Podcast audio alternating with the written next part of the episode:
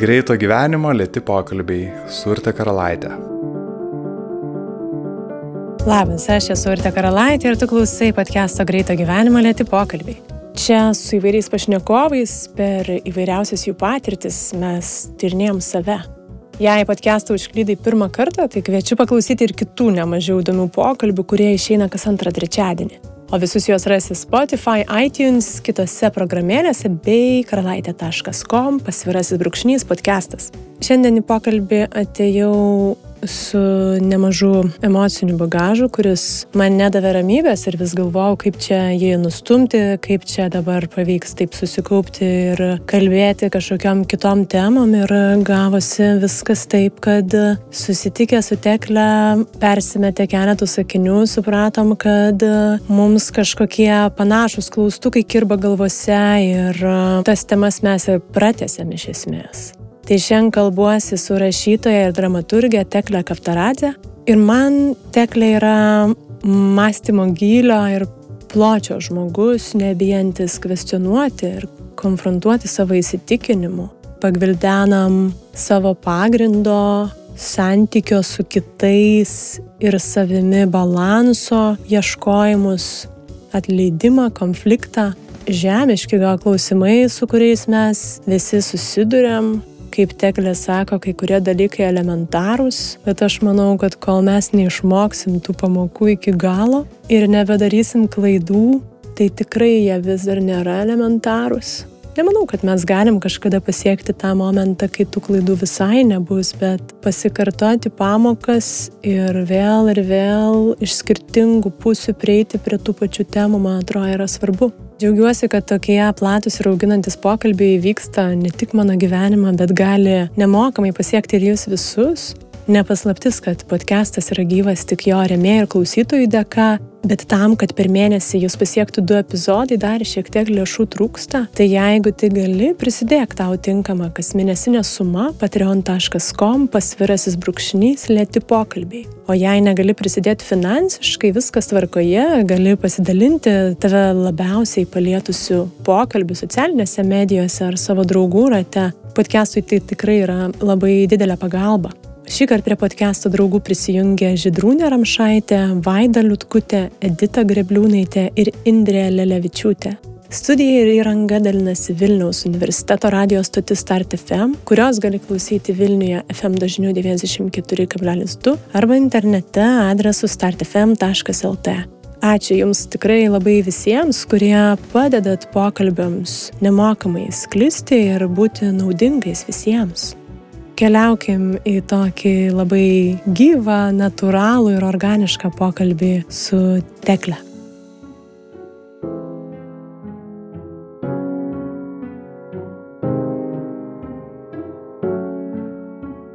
Galiu šį pradėti nuo klausimų ir pasidalinimo minčių vat, apie, kodėl sunku ateiti į pokalbį. Labai įdomu buvo pastebėti tą mintį einant, kad Nu, man tiesiog būtų ramiau, kad jeigu ką mes susitartume surtė, nu, kad jeigu ką tiesiog nebus tragedijos, jeigu neišeis.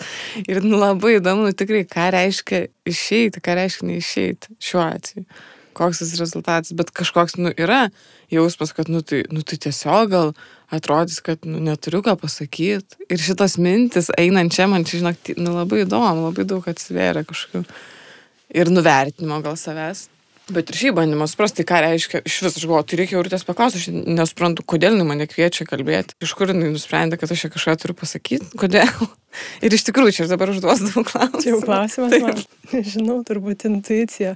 Na, žinai, mes susitikę perduoti pakrovėjo, sugebėjom valandą prakalbėti apie įvairiausius įdomius dalykus, apie kuriuos aš tikrai retai nuklystu, žinai, surendom sutiktai žmonėm ir mes nesam labai pažįstamas, bet to gal užteko. Mhm. Jau aš buvau tau siūlius anksčiau, mhm. bet tai gal iš kažkokių, žinai, apgraibų, ką tu veiki, į ką tu gilinėsi. Noriu tada grįžti dėl tos baimės, kad neišeis kažkaip. Čia, žinai, va įdomu, ar, ar, ar čia ir lūkestis kažkokiam rezultatui, na, nusivertinimą tu mini, nepasitikėjimas, kad aš turiu kažką pasakyti einančią draugę priminė, kad, sakiau, kad einu iš tą pokalbį, savo, nu, jei ką primenu, kad ant tavo pirmos knygos nugarėlės tu esi e, parašiusi savo mintį, kad nors man 14 ir aš rašau, vadinasi, turiu ką pasakyti. tai, nu, dabar jau daugiau metų, tai tikrai turiu ką pasakyti. Ir tada galvoju, koks yra naglumas ir drąsumas, kai tau yra 14 metų. Ir tada kuo toliau gyveni, supranti, kad, ai, Visi aišku, kad turi ką pasakyti. Tai čia tas, nu, net įdomus man ir gal šitas formatas pokalbių. Nu, tu labai asmeniškai krenkiesi, iš tikrųjų tai yra labai įdomu ir man, man asmeniškai atrodo, kad su bet kuo tikrai galėtum iš gatvės ten reikia kalbėtis ir būtų įdomu ir svarbu. Dėl to labai įdomu, kodėl per save, apie save galvojant, toks vyksta.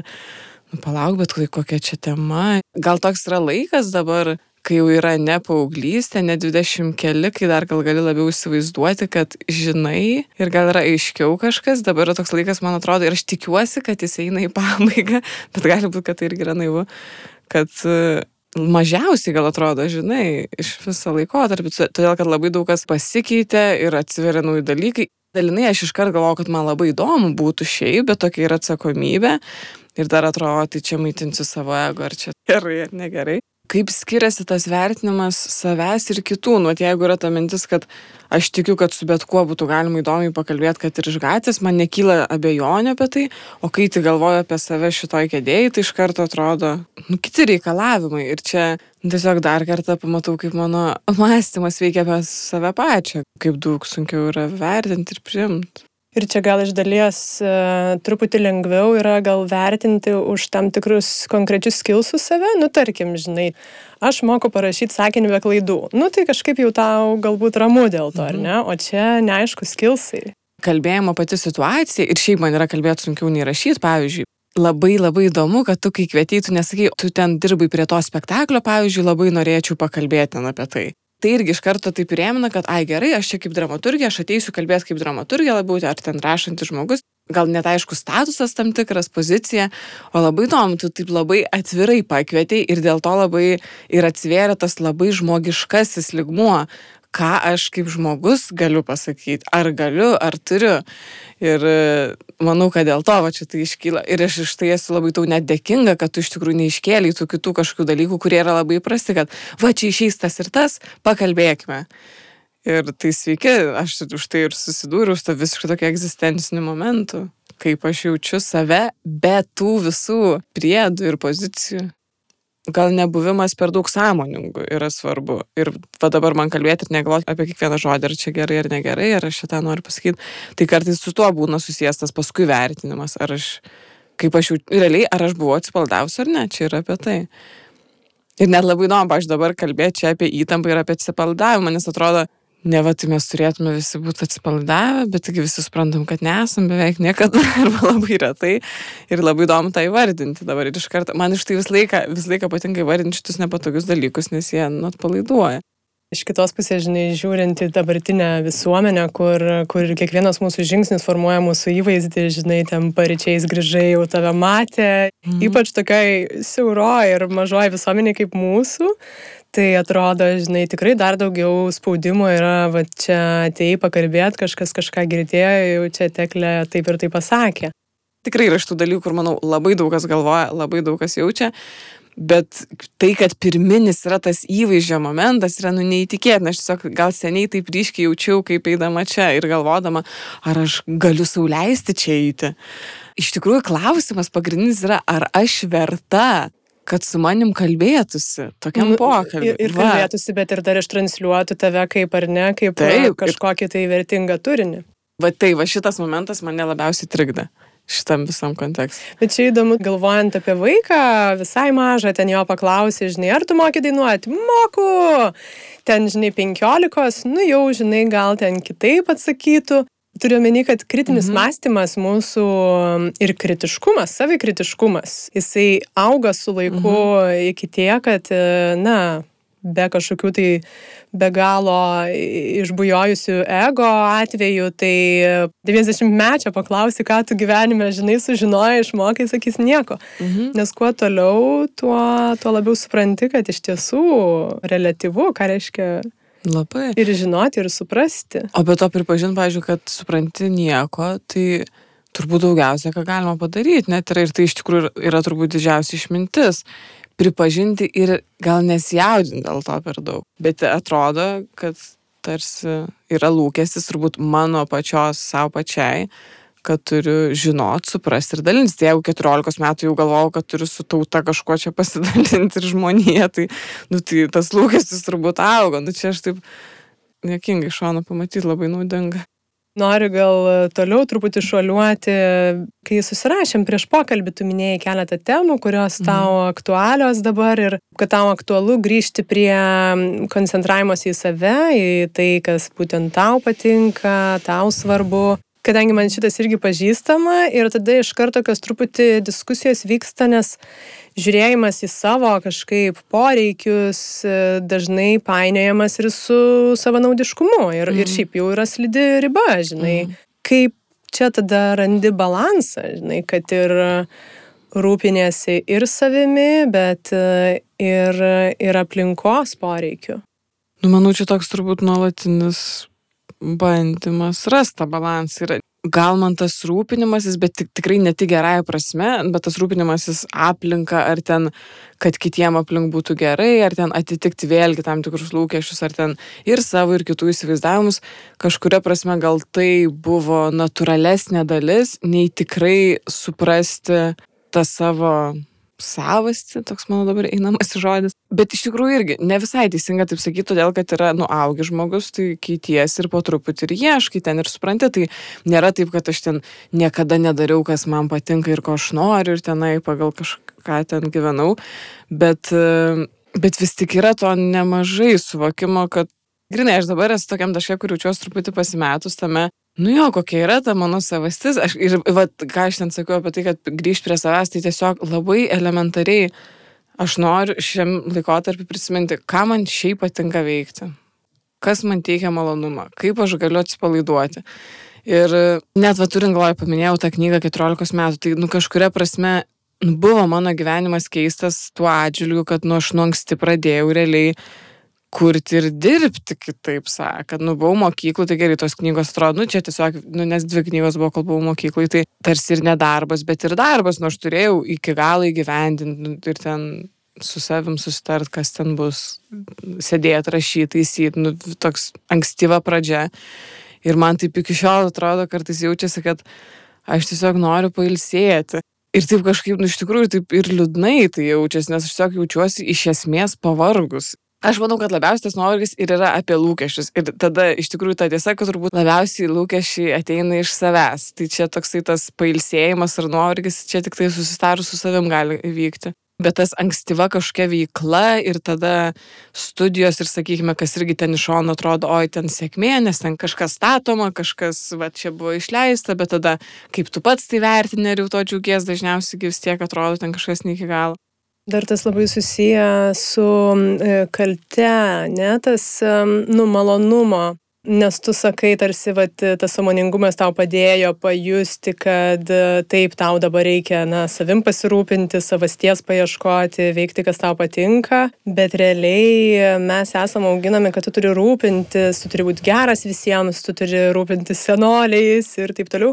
Kaltas jautiesi, žinai, hedonistiškai e, gyvendamas tam tikrą prasme. Nu čia kaltė tai iš vis kokia tai yra svarbi ir tokia jautri tema, nes aš tikrai jaučiu, kad tai yra, nu kažkoks įsėdęs momentas labai sudėtingas, kad labai lengva, lengva kiekvienam žingsnį jausti tą kaltę. Ir net, pažiūrėjau, kai sakai, kad esame auginami, tai vis tik, nu man pasiekė, kad aš tiesiogiai ten iš mamos, pavyzdžiui, ten nesijaučiu to, ten gavus tų blogų pamokų ten apie kaltę ar ten atsakomybę, atrodytų labiau gerų ir apie tą net gebėjimą pasirūpinti savim, bet vis tik tam tikri faktai gyvenimo ar ten šeimos situacijos, jos savaime tau kažką tai įdėgia ar ten sutrikdo iki pašaknų ir ką augant visą gyvenimą tarsi ten ar, ar gydais, ar bandai suprasti, susidėlioti kažkaip.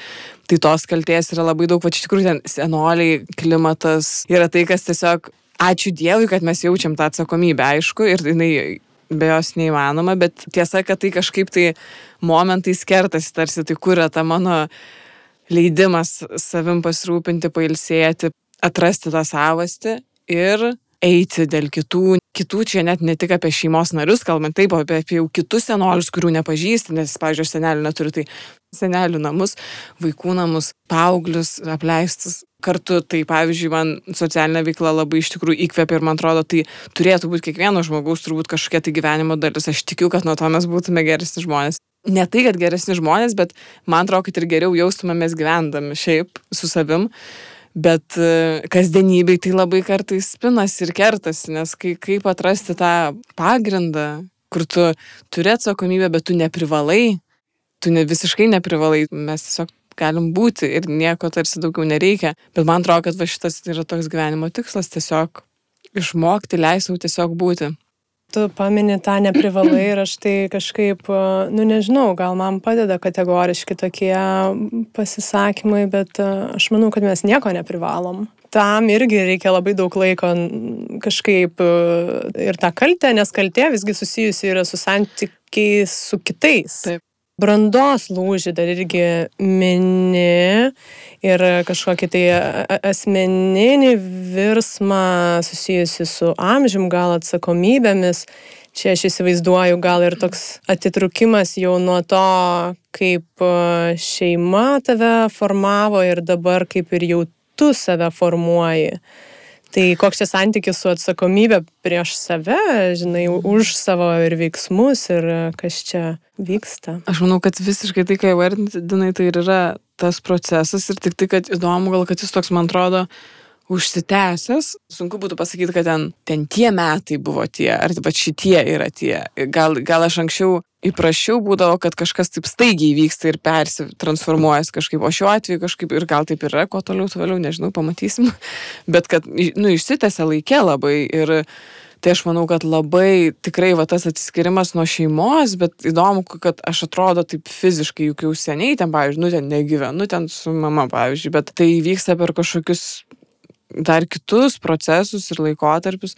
Vis tik manau, aš esu jau išsiskyrusi, tai tas truputį, manau, atlieka vaidmenį viso šitam brandos momente, nes kaip ir atrodo, tai ir per tai ten jų santoka tarsi buvo atsiskirimas, bet skirybos tarsi tada bloškė dar į kitą. Nu, ir čia yra tokie kažkokie sluoksniai, kur dėliojasi ir dabar labai tas jaučiasi, kad tikrai tai tiesiog turiu suprasti, kad viskas, aš pati esu atsakinga už viską ir tai yra ir nuostabu, ir tragiškai baisu. Dabar yra tas, tai koks yra tas mano pagrindas. Man šis šaknų klausimas yra labai toks svarbus ir jautrus ir irgi turi kelias platmes, nes aš esu pusiau gruzinė, tai ten tos kitos kultūros dalis irgi yra tokia jautri ir sudėtinga. Tai taip tiesioginė ta žodžio prasme gal šaknis, o taip labiau įsižeminus, va, tiesiog koks yra tas mano pagrindas, pamatas, kur yra mano namai. Ar aš pakankamai jaučiu, kad tvirtai stoviu ant savo kojų ir tai yra mano pagrindas ir nesvarbu, kur aš gyvenčiau. Ir taip ir ne, vis tik labai svarbu, kur yra tas tie fiziniai namai.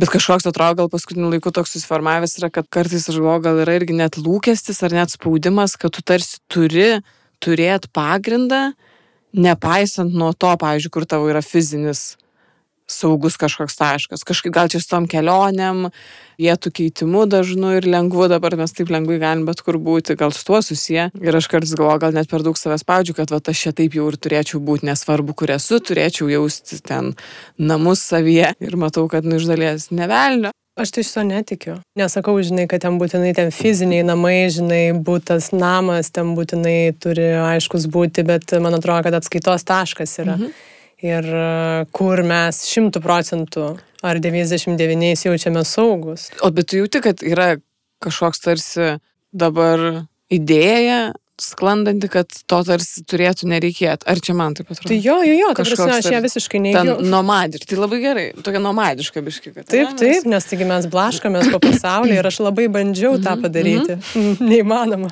man. Tai bet aš žinau, kad tai susiję dar labiau nu, su mano saugumo mhm. jausmu, kuris gal mhm. dar yra mažesnis. Bet aš pastebėjau ten sutikusi daug keliautojų, kurie ten blaškosi daugybę metų, kad nepanašu, kad jie stiprų saugumo jausmą turi. Mhm. Tik tai, kad yra, na, kažkokios ir saviapgaulės, ir kažkokių tai iliuzinių vaikymusi, nežinau, ten kažkokios tai, nežinau, laimės, kuri po kiekvieną palmę turi slėptis. Mm -hmm. tai, bet panašu, kad tas judėjimas, keliavimas su lūkesčiu vyksta rasti kažką. Va, va, čia labai įdomu. Ir vis man... neranda ir juda toliau. Mhm. Man, žinok, taip dabar susiję iš tikrųjų vietos keliavimas, santykius su skirtingom vietom, miestais ir ne tik miestais yra tokia labai svarbi tema ir su viena draugė tokį vystom po truputį projektą didesnį. Apie santykius su vietom pagrindė. Ir dabar man susijėjo, kad aš visą laiką jaučiu labai, kad tai man yra labai aktualu ir svarbu ir mane tai jaudina. Pradėjau pasigalvoti, kad tai gali būti ir su to susiję, kad aš esu pusė maišyto kraujo, gal ir nes yra kita kultūra ir panašiai. Bet dabar mane susijėjo, kad gal tikrai man taip įdomu ir kiti keliaujantys žmonės ir apskritai koks būna santykis, kai tu atvyksti vietas ar išvyksti ir panašiai, kad gal tai yra ir yra taip įdomu ir svarbu man dėl to namų jausmo ir idėjos ir, ir šaknų irgi. Kažkas tai yra tame, kad man tiesiog labai masina, man labai keista, kaip yra kitiems žmonėms, man nori sužinoti, kaip jiem vyksta, bet jeigu tie, kur daug keliauti, kaip iš tikrųjų jiem yra. Dabar tiesiog labai džiugiuosi, kad taip visai susijungia, nes atrodo judėjimas yra judėjimas, bet turbūt mane taip domina. Tai todėl, kad klausimas yra vis tik apie stabilumą ir apie tašką, kur tu gali jaustis saugus ir namie. O tu minėjot tavo šaknys e, susipynę. Ar tavo tą kažkaip stabilumą, tu manai, truputį įtakoja tai? Aš suprantu, vis tiek tu Mhm. augai čia, tai tarsi fiziškai tavo namai visą laiką buvo čia ir tarsi būtų Mhm. aišku, ar ne? Na, nebent ten tu blaškaisi ir randi kitą vietą, bet Mhm. ar tavo toks neramumas iš to galbūt irgi? Aš manau, kad labai yra su tuo susiję. Ir čia, tokia yra tiesiog labai einama viso gyvenimo tema yra ir bus, todėl kad yra labai ta visa tema ir laukas, man yra ten labai daug dar tokių, nu, ir neatrastų dalykų, ir nesuprastų. Tai vien tai jau tokį tiesiog sukuria tokį kažkokį ne, nestabilę dalį manęs. Ir tada, o tame yra labai daug, nu, sa, save suvokti naujai, jeigu labiau susipažįsti su kultūra, ką aš vėlai pradėjau daryti ir dabar esu tokiam tik kažkam pradžioj, pradžioj, kad taip po truputį ten gal pažindinos. Tai, tai atveria visokių naujų potyrių, bet ir labai daug klausimų iškelia. Tai ar čia yra mano dalis ta kultūra, ar čia ar tai nieko nereiškia, jeigu aš ten neaugau ir vis tik labai mažai sąsajų turiu su žmonėm tenai, nu, tokių labai daug klausimų, bet tai, tai kad yra daug klausimų, tai yra, nu, toks grinai atrodo, kad pusė mano yra klausimai. Tas susiraizgusios šaknis, tai iš tikrųjų gal visai net tikslu, kad yra kažkas tai labai sėdę, o kažkas tai visiškai pakibę. Ir kartu ir ačiū Dievui, nes tai gal ir moko mane to kažkokio prieimimo tos nežinomybės, bet šiuo metu labiau norėčiau daugiau žinomybės prie gruziniškų šaknų, tai čia turbūt skaičiau kažkur, kad um, tu tarsi susijęji, kad uh, iš to galbūt uh, atėjo tavo poreikis uh, išjausti ir išreikšti emocijas. Čia, man atrodo, tokia labai svarbi šiom dienom tema, žinai, kaip pagaliau mes apie tai kalbam ir kad na, galiausiai savo emocijų ir pažinimas ir ten jau pagalvojimas, ką su jom daryti, yra ir svarbu, bet ir keblu daugumai iš mūsų. Ypač tos sunkios emocijos, kur e, iš viso gal ir sakoma, žinai, kad, nu, jau čia pykčia ir ten, nežinau, e, negalima jausti, žinai, čia bloga emocija ir kaip, kaip tu su jom tvarkaisi, ypač jeigu tu sakai, kad tu dar stipriau jauti kažkokį tai ar poreikį išreikšti irgi. Apie poreikį, tai aš galvoju, gal man net labiau, kas susijęs su šeimos situacija, ten ir šaknų tema, visą tai aš manau, kad kuo tai atsiliepia ten, pavyzdžiui, kūrybai ir gyvenime, tai labiau tas tiesiog nuolatinis troškimas ryšio ir noras ir į kūrybą žiūrėjimas kaip į būdą susijungti su kitu, kitais, plačiaja prasme, ten, pavyzdžiui, teatre, kine, tai ir ten net tas buvimas komandui yra jau labai užpildo tą jausmą ir kartu ta idėja, kad tu kažką patyrei ir tuo nori pasidalinti su kitais, yra viskas absoliučiai apie ryšį. Ir aš kuo toliau, tuo aiškiau tą suprantu, kad tiesiog yra egzistencijos pagrindinis kažkoks tikslas ir troškimas man yra visą laiką tiesiog būti santykyje. Ir, ir ryšyje, nes išreikšti jausmus, tai kaip ir, nu, augau, buvo turbūt ir neaišku, ir, ir nuo anksti aš esu tikrai jautėsi daug trūkumo ir skausmo ir liūdėsio, kurį, kurį tik dabar dar aiškiau galiu suprasti. Kai kas, nu, tik tai laiko einant dar labiau veriasi. Mano mama yra terapeutė, tai čia toks irgi tas e, psichologinis laukas nuo anksti buvo toks atviras, sakykime, ir natūralus. Tai ir ačiū Dievui, ir kartu aš tiesiog šiaip esu, kadangi labai taip išėjo, kad analitiška asmenybė, tai man dabar jau tarsi kartais atrodo, kad reiktų daugiau būti, mažiau galvoti, nes seniai einu į terapiją. Jeigu klausimas, kas padeda ir ten būti ir suprasti, tai faktas, kad terapija yra labai svarbi dalis. Ir kažkaip atvirumas savo. Tas yra keistas momentas apie gyvenimą, kad tam tikrų situacijų neišgyvenus, tai tu tiesiog, nu, net ir nežinai kartais, koks tu atsidursi juose, koks tu savo atsiskleisi.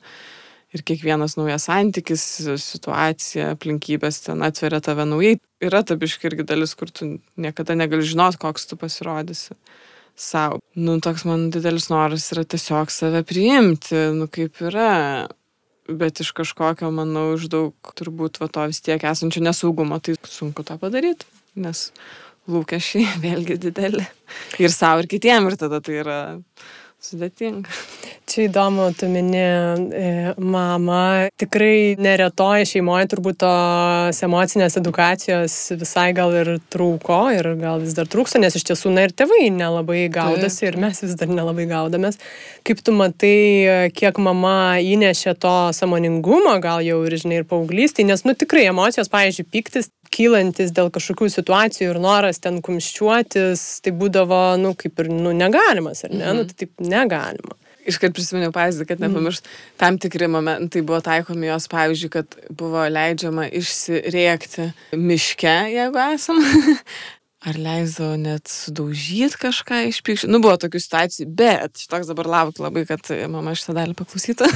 Čia jokai, bet faktas, kad jinai ir mūsų ta trijų šeima, nu, kur aš sakau, o čia nepilna nesbetėčio, bet šiaip tikrai aš gavau labai daug nu savitarpio iš tikrųjų to ir saugumo ir tiesiog supratimo kad šeima gali būt toks didelis malonumas ir džiaugsmas bet kartu apie sąmoningumą kalbant tai manau visi tėvai eigoj patys sąmoningėja. Tai nebuvo mūsų šeimoj tokia situacija kad viskas yra labai psichologiškai e, paaiškinta ir sudėliota ir va čia dabar jūs pykstat dėl to ir liūdi dėl to. Tai buvo labai daug ir iki šiol yra daug neaiškių dar dalykų. Tai nėra kažkoks pavyzdinis vadovėlio atvejis bet tiesiog yra labai aišku kas buvo gauta iš to ir aišku ko trūko man man gražiausias gal dalykas, kurį aš mokiausi šeimos ar iš santykio su mama, tai suprasti, kad e, kai galvoju net apie tai, kad turėčiau vaikų, kas drąsina, kad irgi tai yra procesas, kad e, buvimas mama ar tobulėjimas ir ryšio mesgymas su vaikais irgi yra procesas ir tu gali kažkuriam etape būti vienoks, bet paskui supras, kad gal norėjai būti ar dabar nori būti kitoks ir gali apie tai atvirai kalbėtis. Augimas kartu ir vaikų, ir tėvų, tas kažkaip įkvepia ir tada nu, netie gal įtampus atrodo, kad jau turi turėti ir viską žinoti. Nors aišku, vis tiek taip irgi truputį atrodo. Būti super mama. Taip. Mhm. Tada aš noriu prišokti prie tikrumo. Tu kalbi gal labiau čia apie kūrybą, kad ten norisi tokio tikrumo, tiesumo, norisi pažiūrėti ir tą tikrumą ir tiesą gyvenime, koks vaidmuo yra santykėje su savim, aplinka, visuomenė. Man visada įdomu, žinai, kiek va tas gali iš tiesų veikti šiandien. Tikrumas ir tiesa. Tokia, žinai, besąlygiška.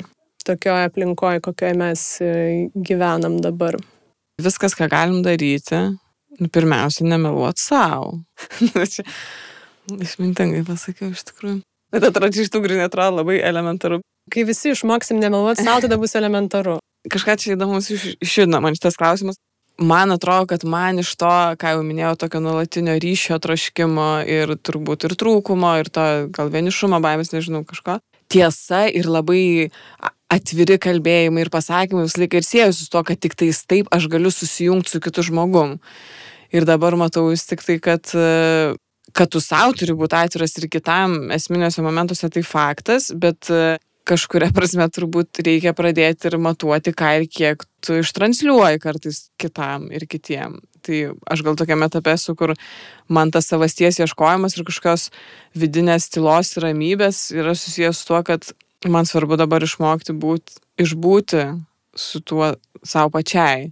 Ir tada gal matyt, kuo galiu dalintis su kitais kartais. Buvo įprotis viską kalbėti, viską dalintis, nes tai vienintelis būdas yra jo, susijungti, bet nu, nebūtinai visi yra labai skirtingi žmonės. Ir čia jau truputį prie santykių perėjant. Ne, bet gerai, nes aš tiesų norėjau um, priartėti prie susikalbėjimo. Mm. Nu, tai čia nebūtinai jau, kur mes ten pritaikysim, kokiam santykyje, bet uh, tą, ką tu mini, nes čia iš tiesų apie tai ir yra, žinai, apie tą tiesą bendravime ir, vat, kaip tu ir sakai, žinai, kiek ištransliuoti savo minčių tas atvirumo momentas yra didelė dalis santykių pagrindo tarsi.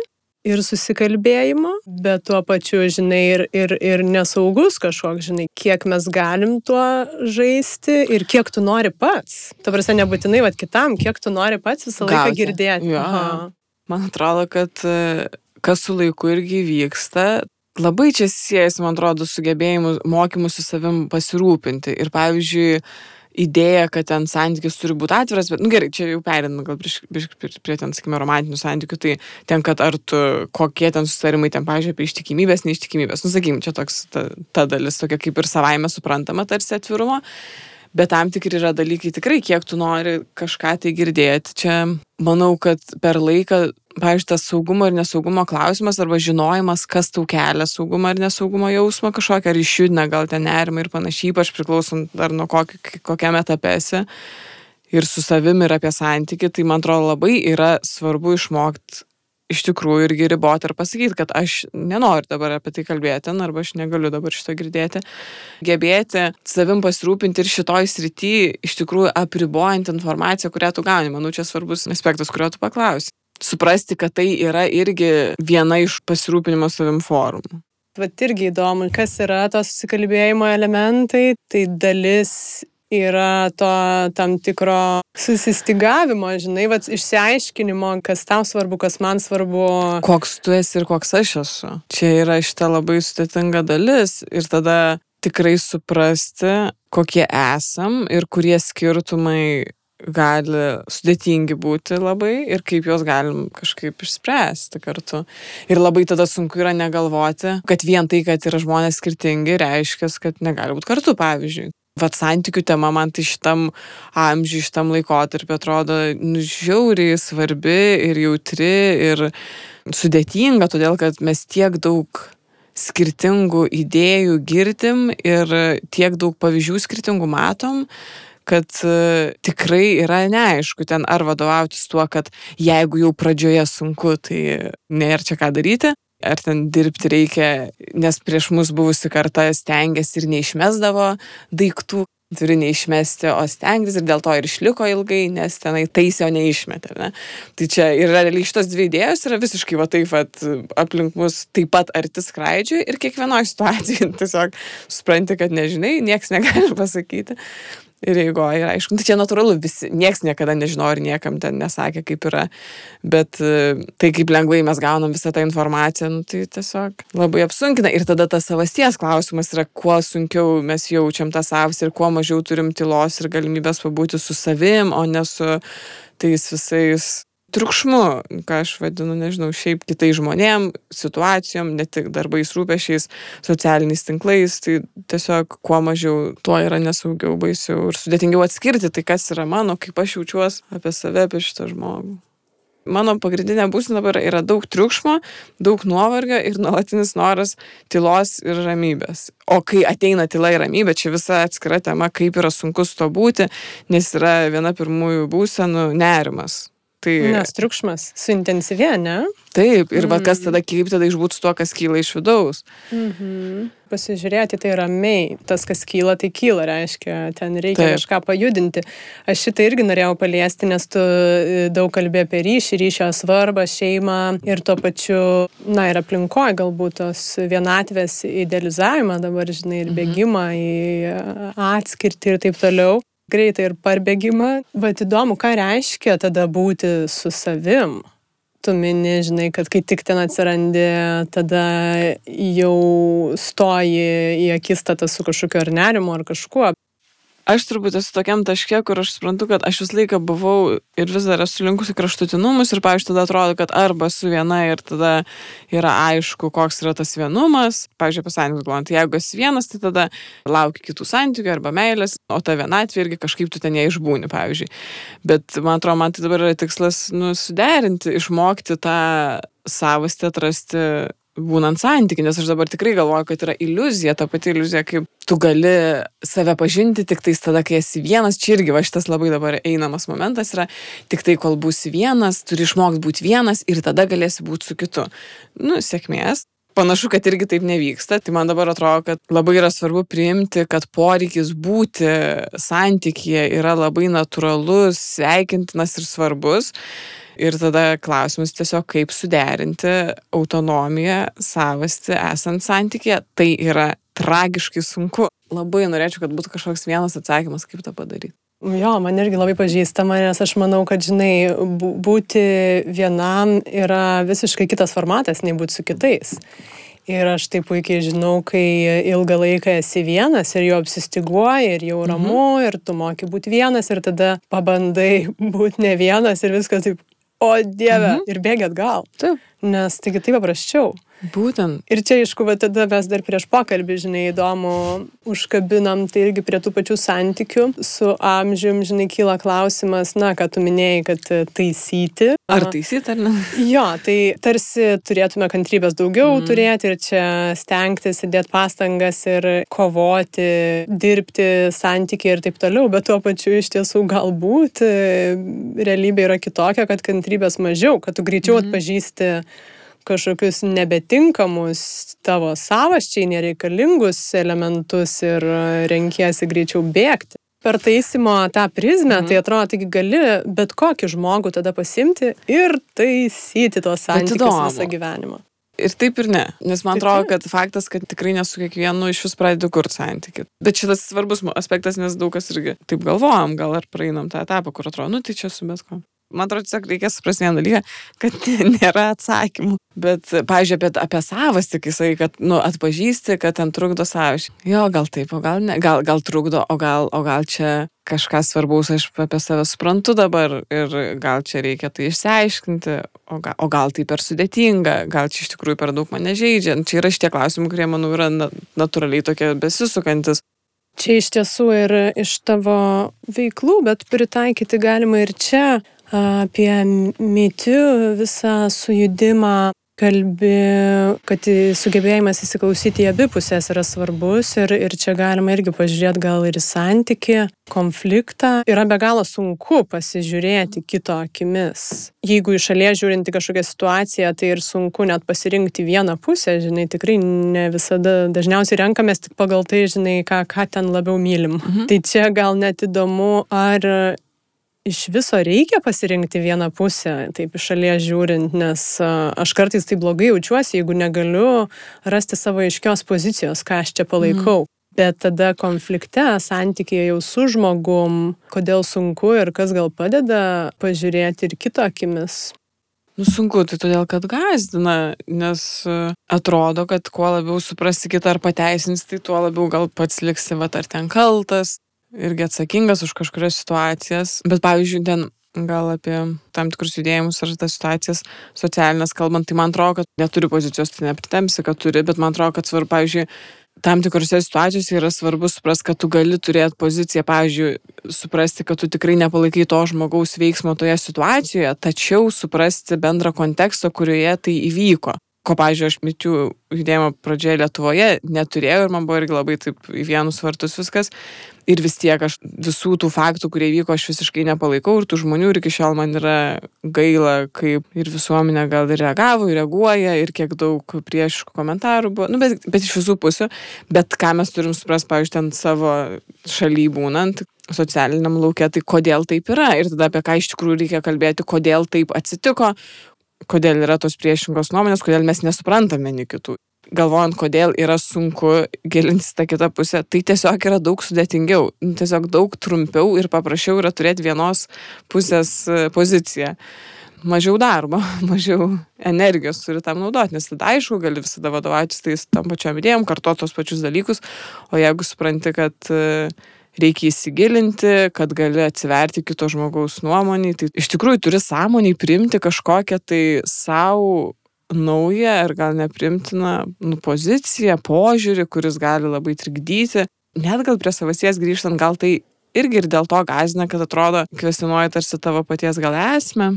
Ir kad turi pripažinti truputį, kad, nu, gal klydai. Taip. Ir čia vėl tada suprasti, kad stiprybė yra pripažinti, kad tu klydai ar kad gali klysti ir tada iš tikrųjų kuo greičiau atsiranda visose konfliktuose ir bet kokios jau tarp asmeniniuose santykiuose, kuo greičiau abu žmonės supranta, kad tai nėra apie laimėjimus ar kieno čia yra tiesa, tai tuo atrodo turėtų būti lengviau, bet kodėl, kodėl visada lieka tas kažkoks nesąmoningas. Čia yra kažkas apie tą sa savęs įtvirtinimą. Labai yra baisu, aš manau, dėl to konfliktai visi yra tokie sunkus, kad labai yra baisu girdėti kitą, priimti kitą, nes atrodo, kad prarasi save. Jo, čia yra mano esmė, kad kiekvienas atsiverimas labiau kitai pusė, mes dėl to dažnai net neiname tą kitą pusę, vietoj to, kad sakyt, aš nesuprantu, gal gali man paaiškinti, kodėl tu taip mat, matai, kas jeigu nuo to pradėtume konfliktus, manau, būtų daug geriau. Matom, pavyzdžiui, žmogaus reakciją ir iš karto galvojam, kad tai reiškia tą ir tą. Mes, pavyzdžiui, sakom, kad aš tavęs nesuprantu, bet aš neklausiu tavęs, kaip tau yra. Arba aš tavęs nesuprantu, gal gali man paaiškinti, kaip manai, kodėl aš tavęs nesuprantu, gal galim pakalbėti. Ir aš manau, kad tai siejas su tuo, kad yra labai baisu, mes visi bijom, ne, man atrodo, aš taip dabar kalbant, matau visus mus tarsi ant tokių kažkokių savo salelių stovinti ir labai jau mes ten taip sunkiai tą pagrindą susiformuojam, kad tada, jeigu kita ta sala ten jau trankos ir ten nori įskelti mūsų pamatą, tai tada labai baisu yra, kad nu, mes irgi paskesim tada. Kai iš tiesų mes galime sujungti salas. Wow. Ne veltui poetė. jo, bet čia labai taiklu. Nes čia vėl yra apie tą patį saugumą. Gal pastaruoju metu irgi turiu galimybę peržiūrėti va tokias situacijas ir kažkaip galvoju, nu taigi čia ne mano ego, nu man zinant to ego, ta prasme, ne, ne tai veikia tame norėjime apginti ar, ar įrodyti, žinai, kažkokią savo poziciją. Bet iš kitos pusės, bandymas mm. suprasti kitą pusę yra svarbus, man atrodo, ir tam, kad išgirsti kitą žmogų. Tai Nes man atrodo, noras būti išgirstam, tai yra vienas iš pagrindinių net ne vaiko, tai, tai mes esam mm. suaugę vaikai, bet tai turbūt galioja lygiai taip pat. Kas Tikrai. tada gali būti laimėjimas konflikte? Nėra. Labai įdomus klausimas. Tai čia turbūt išsprendimas konflikto yra vienintelis laimėjimas, kas yra abiem ir ne dėl vieno ar kito. Manau, tą labai svarbu suprasti, kad tada yra du kažkokie tai dvi figūrėlės, kurios tame dalyvauja, nors dvi pusės, sakykime. Bet e, laimėjimas yra tai tik tai susikalbėjimas tada. Bet jeigu aš manau vienaip, o tu kitaip. Nu, tai tada turbūt prieimimas, kad taip gali būti labai čia nuo situacijų priklauso, bet turbūt jeigu pažiūrėt, kiek tai trukdo vėlgi egzistavimui tų abiejų pusių ar mūsų kontaktui, ar mes galim tai būti ar negalim, atras kažkokį būdą, kad gal net jeigu aš galiu primti, kad yra kitaip, bet kokį mes sprendimą randam, kad galėtume būti su tuo kitaip. Kai tu pasakai apie tą išgirdimą, tai tu pagalvok, nu čia kaip, tarsi, jeigu iš tikrųjų visada kiekvienas žmogus jaustų, kad kitos pusės pirminis tikslas yra išgirsti ir suprasti, nebūtų konfliktų arba nebūtų tokių konfliktų. Nes e, visas tas... E, Dažniausiai esmė yra noras pasisakyti. Visiškai. Pas, ir, ir įrodyti. Ir, tu, ir, kadangi, ir kuo labiau jauti, kad kitas net nenori girdėti, kitas net nenori suprasti. Blogiausia yra tas, kad dažnai tu jauti, kad iš tikrųjų tavęs neklausia bet e, jau, žin, jau yra nusprendę, kaip yra, pavyzdžiui, kad nes tam tikra reakcija ten gal primena tai. Tai kad, nu, tai reiškia, tau yra taip, bet o gal ne taip man yra. Jeigu iš tikrųjų klaustume pirmiausia ir kiekviena pusė klaustų, tai tiesiog nu, nuimtų tą pirminę, manau, tokią įtampos kažkokią. Bet tai, yra, nu, tai yra labai sudėtinga, todėl kad tose situacijose, kai vyksta, tai tada pirminis ir yra tas toksai, dažnai ir vaikiškas toksai, troškimas apsaugoti tikrai, nu, vat, savo tą kažką, tai kažkokį branduolį, nes tu jauti grėsmę. Realiai, kai pagalvoji, kas yra konfliktai, mm. visiškai tu jauti grėsmę, kad tavo esmę nori sužeisti, ar tavo laisvę sutrukdyti. Bet tai čia šitas suvokimas, kad visi visada nori būti ir išgirsti, ir tiesiog priimti. Tai yra taip elementaru, bet pasiekti kasdienybį tai yra kažkodėl, nu, tiesiog labai sunku. Ir ta, žinai, turbūt taisyklė konflikto pradžioj na, visgi atsitraukti. Turiu draugus, kurie raudonas korteles naudoja. Nes tai turbūt yra sunkiausia, kad ir kaip mes čia vat, mhm. elementariai ir aiškiai tą suprastume ir dabar čia tokios dvi protingos kalbam. Tuoj šoksim į pirmą konfliktą ir Jo, kartais tikrai atrodo, kad žaidybiškai kažkaip uh, išspręsti tą ir panaudoti tą raudoną kortelę, mm. kad dabar mes pusvalandžiui atsitraukiam, nes, nes tas karštasis noras apsaugoti mm. savo pilį, aš manau, kad neišvengiamas mhm. yra. Mm, tu prasme, aš nežinau, kokio emocinio mm. intelekto tu turi būti Bet to taip čia pritaikyti tokį dalyką kaip žaidybiškas tas korteles ir susitart, pavyzdžiui, kad pusvalandžio atsitraukiam, tai yra jau labai rimtas uh, gebėjimas spręsti konfliktą, nes yra susitarimas, kada grįši prie to ir kartu tam tikras humoras net galbūt, kuris jau padeda ir atpalaiduoja ir šiaip jau parodoma, kad tie žmonės jau pažįsta save ir tą bendrą situaciją ir žino ir jau turi ką taikyti, kad būtų geriau, pavyzdžiui. Tai čia jau yra tam tikras lygis, jau, jau reiškia, yra ieškomai randami sprendimai būti kartu. Nes yra dažnai ten kažkokie atsitraukimai, kur tu nežinai, kada sugrįši, tie atsiribojimai tada gali būti labai sunkus. Jo, aš dėl to galvoju, kad tos tokios primityvės ir, ir jokingos taisyklės kartais gal visai veikia. Tai dar norisi gal pažiūrėti ir į atleidimą. Mhm. Kas tau pačiai gal čia sunkiausia yra šitame procese ir kaip tu tą dekonstruoji?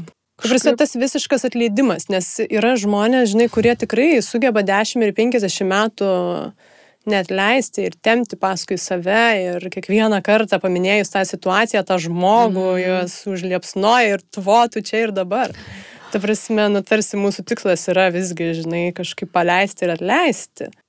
Prisimenant sapnavau, sapnavau, tai ką mes daug kalbėjom ir supratom su Kamilė, kad yra tam tikri dalykai, kur turbūt gal net ir ne iki galo. Gali, nu, tam tikros kritinės situacijos, kur neprivalai savęs prievartauti atleisti. Tas, man atrodo, visai svarbu kartais yra suprasti irgi. Uh, kasdieniam gyvenime, tai kažkaip įdomu, tai galvoti apie įvairius santykius, kur turi įvykti atleidimas, tai man turbūt kažkaip tai dabar atrodo, kad tai įvyksta natūraliai per tai, nu, jeigu tu žinai, kad abu žmonės nori tęsti santyki, visokį santykių, visiškai čia ar draugystės, ar romantinį ir panašiai, ir, ir tas santykis tęsiasi ir už, užpildoma yra naujom patirtim ir naujais parodymais, uh, kad, e, pavyzdžiui, mes norime išmokti būti kitaip, kad mes jaučiame, kad toks bendravimas ir ta situacija įskaudino mus abu ir mes norime atrasti būdą, kaip būti taikiau, sveikiau, ramiau.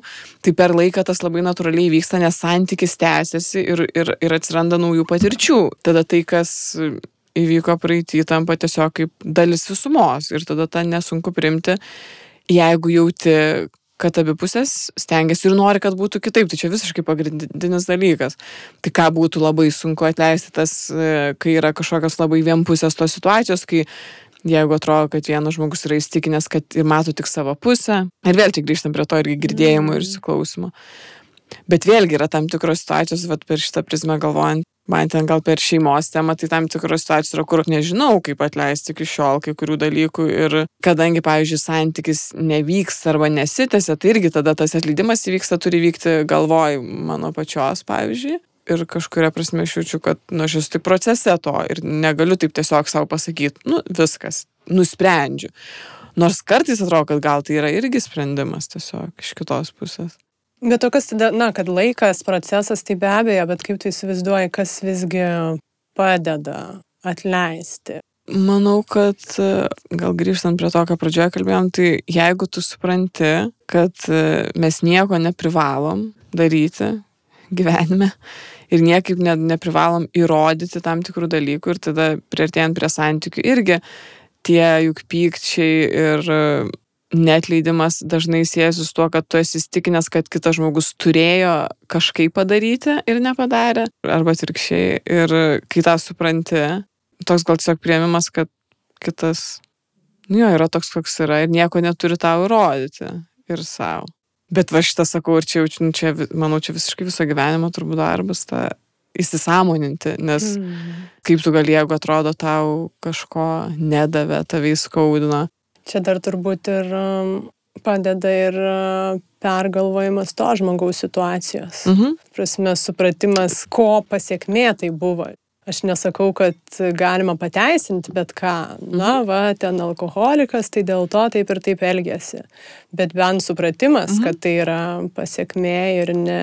Vėl čia apie tą patį įsiklausimą ir išgirdimą. Tai visiškai bet kurioje situacijoje iš tikrųjų tai manoma padaryti yra truputį geriau pagalvos, jei įmanoma pakalbėjus, jei neįmanoma tiesiog savo pačiam skirus laiko tą pabandyti suprasti ir priimti. Kažkaip nors visą laiką tas vyka vidurį išlaikyti, kad pripažint, kad pyksti, pavyzdžiui, pripažint, kad tau yra ar buvo skaudu ir kad tu dėl to esi vienai par kitai paveiktas. ir tada atleisti. Nes dažnai visai yra toks kažkoks man toks ir Lietuvoje atrodo būna, kai mes suprantam gerą žmogų, kuris vat net, jis net ir nepyksta, sakykime, ten ar ne, ir kur jis net ir jam kažką padarė, bet jis gali ten priimti, nu, tarsi, kad tai būtų sveikai ir nuoširdžiai. Tai ir tai, nu, tikrai žmogus turėtų būti nušvitęs, ko aš tikiu, kad tokių gali būti žmonių ir būna, bet vis tik, nu, tikrai, tikrai vienetai, tai visi kiti paprasti mirtingieji tikrai turi labai daug tų jausmų ir tai labai baisu, kad nevyktų tas toks nesveikas užblokavimas ir užglaistimas, kas paskui vienaip ar kitaip kažkur yra toks, man atrodo, svarbu tada pripažinti ir tada jau ieškoti, koks tas tavo asmeniškai gali būti kelias atleidimo.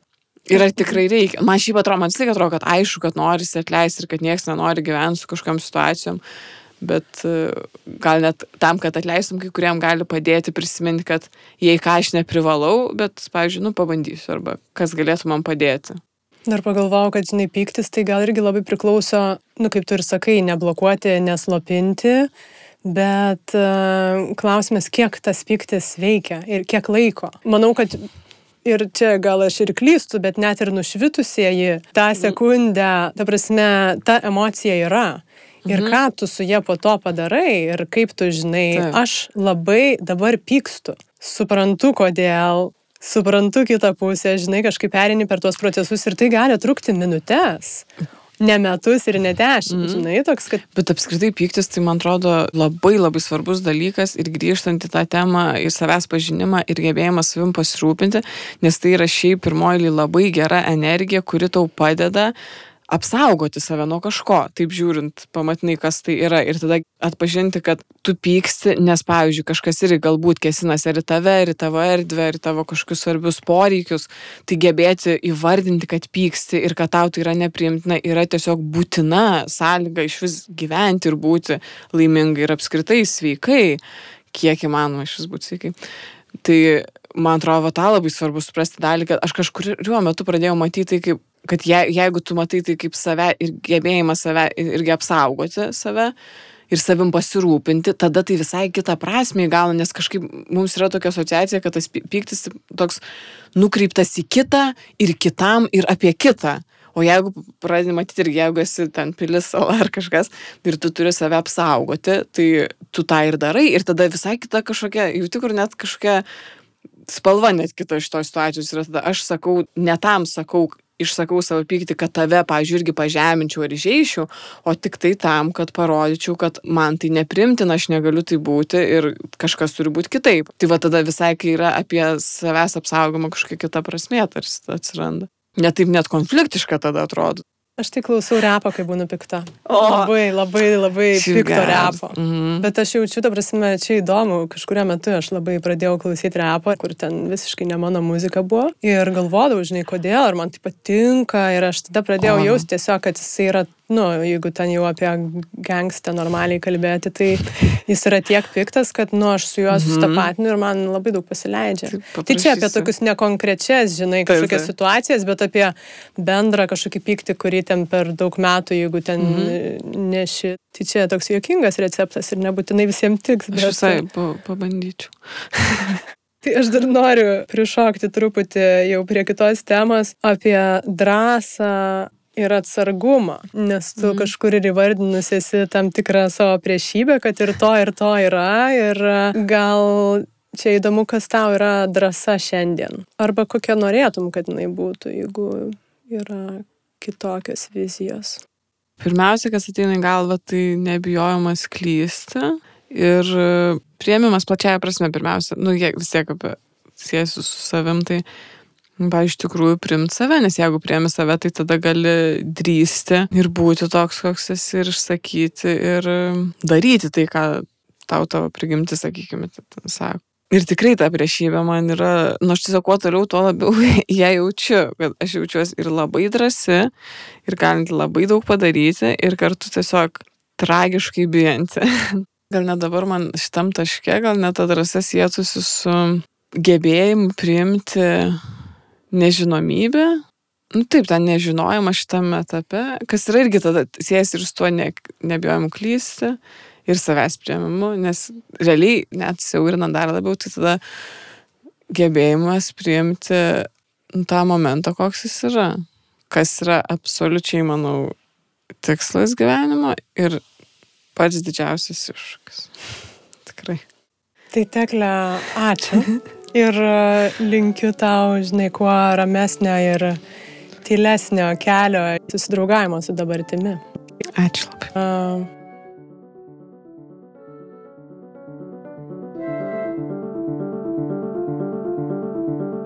Ačiū Jums, kad klausėtės. Net nebejoju, kad atpažinote save kažkokiuose mūsų pasvarstymuose ar situacijose. Tikrai dauguma jų labai kasdieniškos.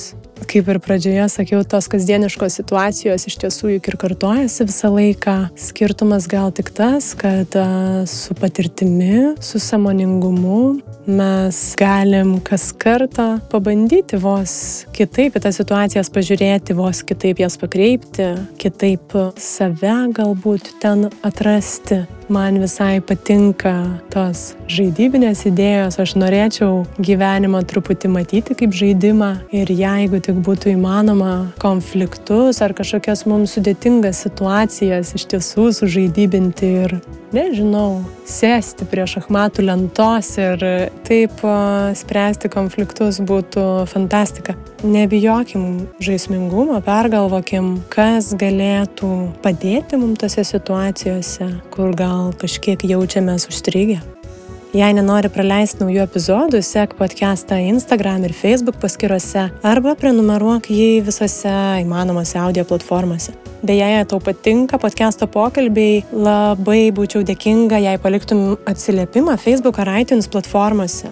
Priminsiu, kad iki podcast'ui kurti reikiamos sumos dar trūksta šiek tiek lėšų, tad jei tai gali, prisidėk patreon.com pasvirasis brūkšnys lėti pokalbiai. Podcastas įrašytas Vilniaus universiteto radijos stoties Start FM studijoje. Start FM gali klausyti Vilniuje FM dažniu 94,2 ir internete adresu startfm.lt. Ačiū visiems, kad augat kartu su mumis ir padedat vieni kitiems save auginti. Nebijokit klysti. Su jumis podcastas Greito gyvenimo lėti pokalbiai ir aš, Urte Karalaitė. Iki kitų stipresnių kartų.